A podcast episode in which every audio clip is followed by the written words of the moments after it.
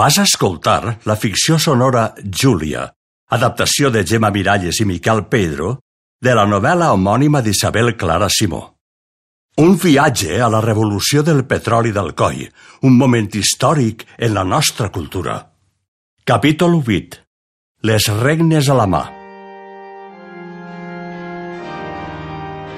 La boda es va celebrar el dia de Tots Sants a les 7 del matí, a l'església de Sant Jordi, amb una mica més de gent de la que havien pensat, però que tot i així no passava de 20 persones. El vestit de Júlia era blau fosc, amb uns brodats grocs i vermells de colors apagats sobre una tela molt fina i un barret gris amb una cinteta que duia brodades unes perletes i un ram de roses blanques. El nòvio portava l'anell de matrimoni i un altre amb un petit brillant que s'aguantava en una muntura de platí i que pensava donar-li, després, de sorpresa. Ara voldràs fer un bon viatge. Heu quedat d'anar a Barcelona. Jo preferiria deixar-ho per més endavant, que ara em ve gran ser casada i senyorassa i viatgera alhora. Però no li va fer cas. I la sogra havia preparat l'equipatge que, segons ella, Júlia no hauria sabut.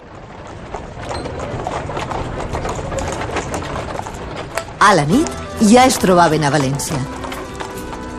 I van fer cap a l'Hotel Palace. A l'habitació, Júlia es va posar una camisa tota de randes i tan fina i amb tants volants que es va sentir incòmoda. Era una camisa tan enfarfegada que quan el senyor Josep, que ara era Josep, va començar a llevar-li-la, es va sentir allotjada. I tenia una nuesa tan bonica que Josep es va quedar mirant-la amb ulls rodons. Mai en la vida m'havia sentit tan feliç. Quan es va despertar, Júlia se sentia satisfeta, perquè del fàstic que li produïen els homes ja no en quedava gaire res. I si la nit que va anar a sa casa i li va acariciar els pits encara havia sentit una ombra de fàstic, ara fins i tot havia tastat el plaer. I a més ja sabia com ho havia de fer. Es tractava de tancar els ulls i no mirar el sexe espantós de l'home, i no mirar el ventre ni la cara inflada i vermella. Així, sentia només el seu propi cos. I tot era més fàcil. Sent molt que no tingues temps per a veure València, però hem d'agafar el tren cap a Barcelona. Barcelona és la ciutat més bonica que et pugues imaginar. I t'hi he preparat una sorpresa. Tot el viatge el van fer al compartiment que tenien per a ells sols, dient-se amorets i sense soltar-se les mans. Josep estava més jove i la Júlia més gran. Júlia a Barcelona no es va perdre res. La ciutat, el teatre, la pujada al Tibidabo... Li semblaven les dones tan boniques que li feia vergonya haver-se trobat mai bonica a ella mateixa. Li van semblar tots els homes tan educats com si estigueren fent teatre. Tothom en feia lloances. Quina sort has tingut amb aquesta esposa tan bonica i tan discreta, Josep! I Josep es posava tan inflat de satisfacció que convidava a tot el món. Que només feia deu dies que es trobaven a Barcelona, Josep li va revelar la sorpresa que li havia ocultat fins aleshores. Tinc una cabina de luxe per a embarcar-nos cap a Mallorca. Marxarem l'endemà. El vaixell era magnífic i la cabina petitona però molt elegant, plena de coses misterioses que Júlia no sabia per a què servien. Quan van arribar a Mallorca, hi havia un cotxe esperant-los. Quan ja estaven tips de veure tants prats verds, tants ametllers i tanta aigua transparent, s'havia acabat el viatge.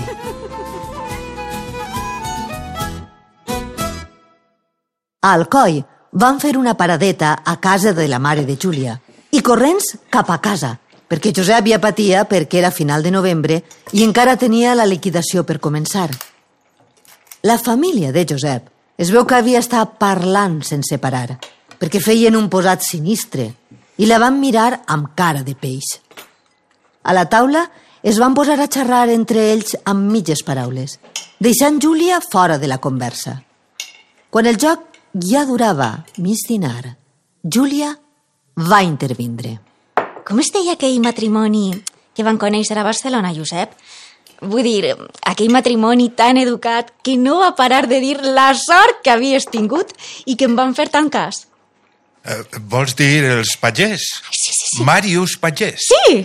Sí, van ser molt agradables. Els altres havien callat de sobte. I així, a cada pas que es repetia la guerra del silenci, ella se cercava l'aliança de Josep i retreia la bona educació de les persones amb qui havien ensopegat en el viatge. Un matí, Júlia va començar a rumiar i a pensar què li tocava fer, perquè ella era allí la mestressa.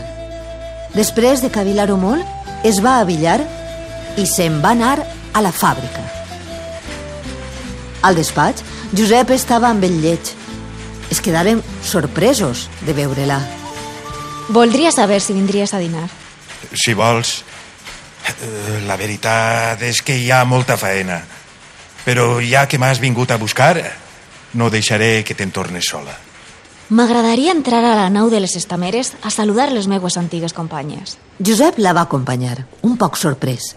Les màquines estaven parades i les obreres se la miraven com si fora una aparició.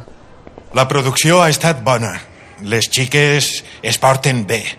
Eh, si no fora perquè les vendes no són molt segures en guany... La Rulls portava la màquina nova. Júlia s'hi va interessar. No és més pesada que l'altra? No, senyora. La visita no va arribar a durar 10 minuts. Quan se n'anava, davant del seu home i de Rafael, l'encarregat, i apenes traspassar el llindar, va reconèixer la veu de la pardala. Pensa't bé les coses, no deixes d'arrafar. Júlia s'havia aturat en sentir-ho, sense tirar el cap. I quan va veure que la cançó no prosperava, va somriure a Josep i va pujar ben tibada al cotxe. He vingut a buscar-te perquè volia parlar amb tu. Sé que t'estranyaràs, però vull parlar-te de diners. Josep li va alçar el velet que li arribava fins al nas i li va fer una besada als llavis. I com que es veu que li va agradar, li'n va fer un altre de més llarg. Ai, no, no, no, que no, que no vull que em beses ara. Per què? Perquè el que t'he de dir t'ho vull dir ara i no al llit. Bon pensament. Al llit no s'hi ha de parlar. eh. Ai, escolta'm, amb atenció. Vull administrar la casa. Ara ho fa la teua sogra, però ho he de fer jo. Mentre ella porta la casa i el que es gasta ho controla ella, ja puc dir-me jo mestressa. Els teus fills ni em volen ni em voldran. Però el que tu i jo no podem consentir és que no em respecten. Quan jo administre, em compte del que tenen ara en tindran més. Però seré jo qui ho donarà. La mare s'ofendrà. No, tu i jo li demanarem el demanat. I li diré que m'ajude. La teua sogra punxa els xics, però jo... ah, Em faré la desentesa ara i sempre si no em fas res massa gros. No ho farà. Ai, ai, ai. que hi ha una altra cosa. Els teus fills no poden fer la vida que fan. Vull el teu permís i el teu suport per a fer-los uns xics útils. Ara m'ho dien. Odiar-te? No. Sí, sí, sí, sí, m'ho dien, per això no puc perdre res de tindre una miqueta de madura i fer-los treballar o estudiar. Júlia, no vull guerres a casa. Jo tampoc, però ja hi ha guerra. Ara cal saber unir la família. Eh, si la mare s'hi ha de... Si vindrà, però encara vull més. vull un compte corrent al meu nom. Si ja el tens. He obert un compte al nom teu i meu. No, vull un racó només a nom meu.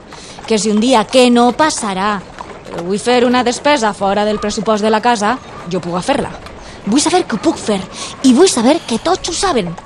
No demano una fortuna, però sí un raconet per a mi sola.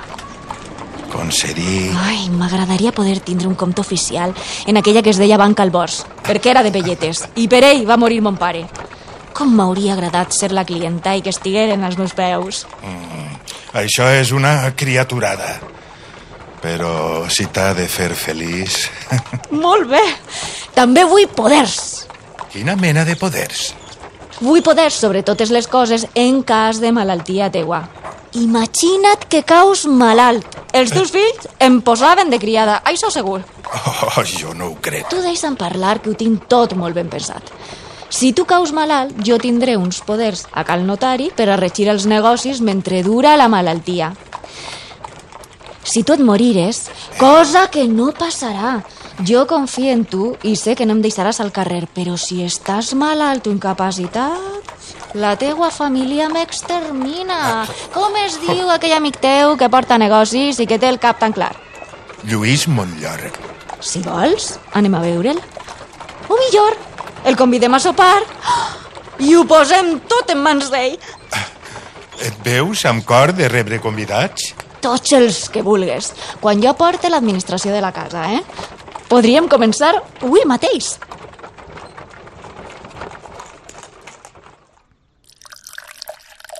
En arribar a casa, van dinar. I com que Josep tenia pressa, van dir a la mare que volien parlar-li. I tot seguit van entrar al despatx de Josep i van seure. Volem dir-li una cosa. Vostè porta esta casa tan bé que millor no es podria portar. Però ara, i si vostè m'ajuda i m'ensenya, l'hauria de portar jo. Encara no saps aguantar la forqueta i ja vols portar una casa com esta? La forqueta la sé portar. I la casa la sabré portar. Quan vam fer l'exobar, vostè em va ensenyar. Ara bé, sé anar a la modista sola i sé el que m'he de posar en cada moment. A vostè li ho dec. Amb la casa passarà el mateix. I jo què seré? El que és la sogra de l'amo. No menys que això, però tampoc més que això. Gastes molts fums, tu. Senyora Dolors, jo no la vull per enemiga, però si vol ser, eixirem perdent tots. Vostè, quan es vam conèixer, va parlar molt de la felicitat de la família. Ara haurà de demostrar que és això el que li interessa, i no només humiliar-me a mi o mantindre la tírria que em té per sobre la felicitat de tots. A tu, Josep, t'ha fet perdre la xaveta esta dona. Jo crec, mare, que té raó. La mestressa és ella. I sou vosaltres els qui no voleu entendre. Així que fins i tot per a triar el dinar se li ha de demanar permís a una xica que no és més que una treballadora? És la meua dona, mare. Senyora Dolors, podem portar la casa a les dos i partir-nos les idees. O podem fer-nos la guerra. Però jo no sóc una convidada d'esta casa i el meu gust hi ha de comptar. El teu gust? si encara puges el factines. I a Cremor de Sosa, també. La vella va abaixar el cap i va començar a plorar. Júlia li va allargar el mocador que portava a la bocamànega, blanc com un glob de llet i amb puntes de buixet. Després se li va posar al costat i li va passar la mà per l'esquena. Que no ho veu? Que també he portat coses bones a esta casa. No ho veu, que Josep sembla un altre. Que no ho veu que vostè ja té edat de portar una vida sense preocupacions. Podria dedicar més temps a les obres de caritat, clar, i, i ensenyar-me les coses que jo no sé, però que tinc voluntat per aprendre. Mare, no plore, dona. Si l'haguera vista en el viatge, era tota una dama. I, i tots la van respectar. No és una xica com les altres. Mare... La vella va alçar el cap i va deixar de plorar. Però tenia els ulls secs i les galtes ben grogues. El gendre li parlava amb tanta passió que va oblidar la comèdia i el va mirar a la cara. Josep va entendre la mirada i va parlar amb ulls ulls, que no podien mentir. I l'estime més que cap altra cosa del món. Ho jure. Per la pobra Cecília. Esta xica és la meua vida. Li havia dit Rafelet a la Font Roja. Tu ets la vida, Júlia. No ets la meua vida, sinó ets la vida. Si pensa que tot això és fam de diners i de posició, i jo crec que no, pense també que prou que ho ha pagat. S'ha guanyat el lloc que ocupa. El té per dret i l'ha de tindre de fet. La vella es va alçar i va eixir de la cambra.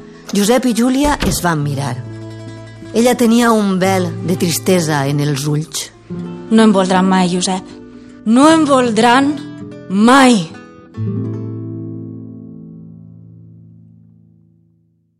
Has escoltat l'adaptació a radioteatre de la novel·la Júlia d'Isabel Clara Simó, una producció de la Dependent amb el suport de la Conselleria de Cultura i Esport, Ajuntament d'Alcoi, Acadèmia Valenciana de la Llengua, Unió Alcoiana Seguros, Ràdio Alcoi i A.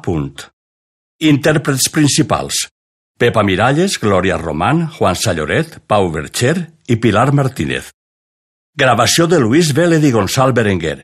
Editat per Adrià Sempere i Luis Vélez amb música de Cofre Antic i Rafael Arnal. Capítol emès gràcies al recolzament de la Càtedra Antoni Miró d'Art Contemporani de la Universitat d'Alacant, Edicions Bromera i el Centre Educatiu La Salle Alcoi.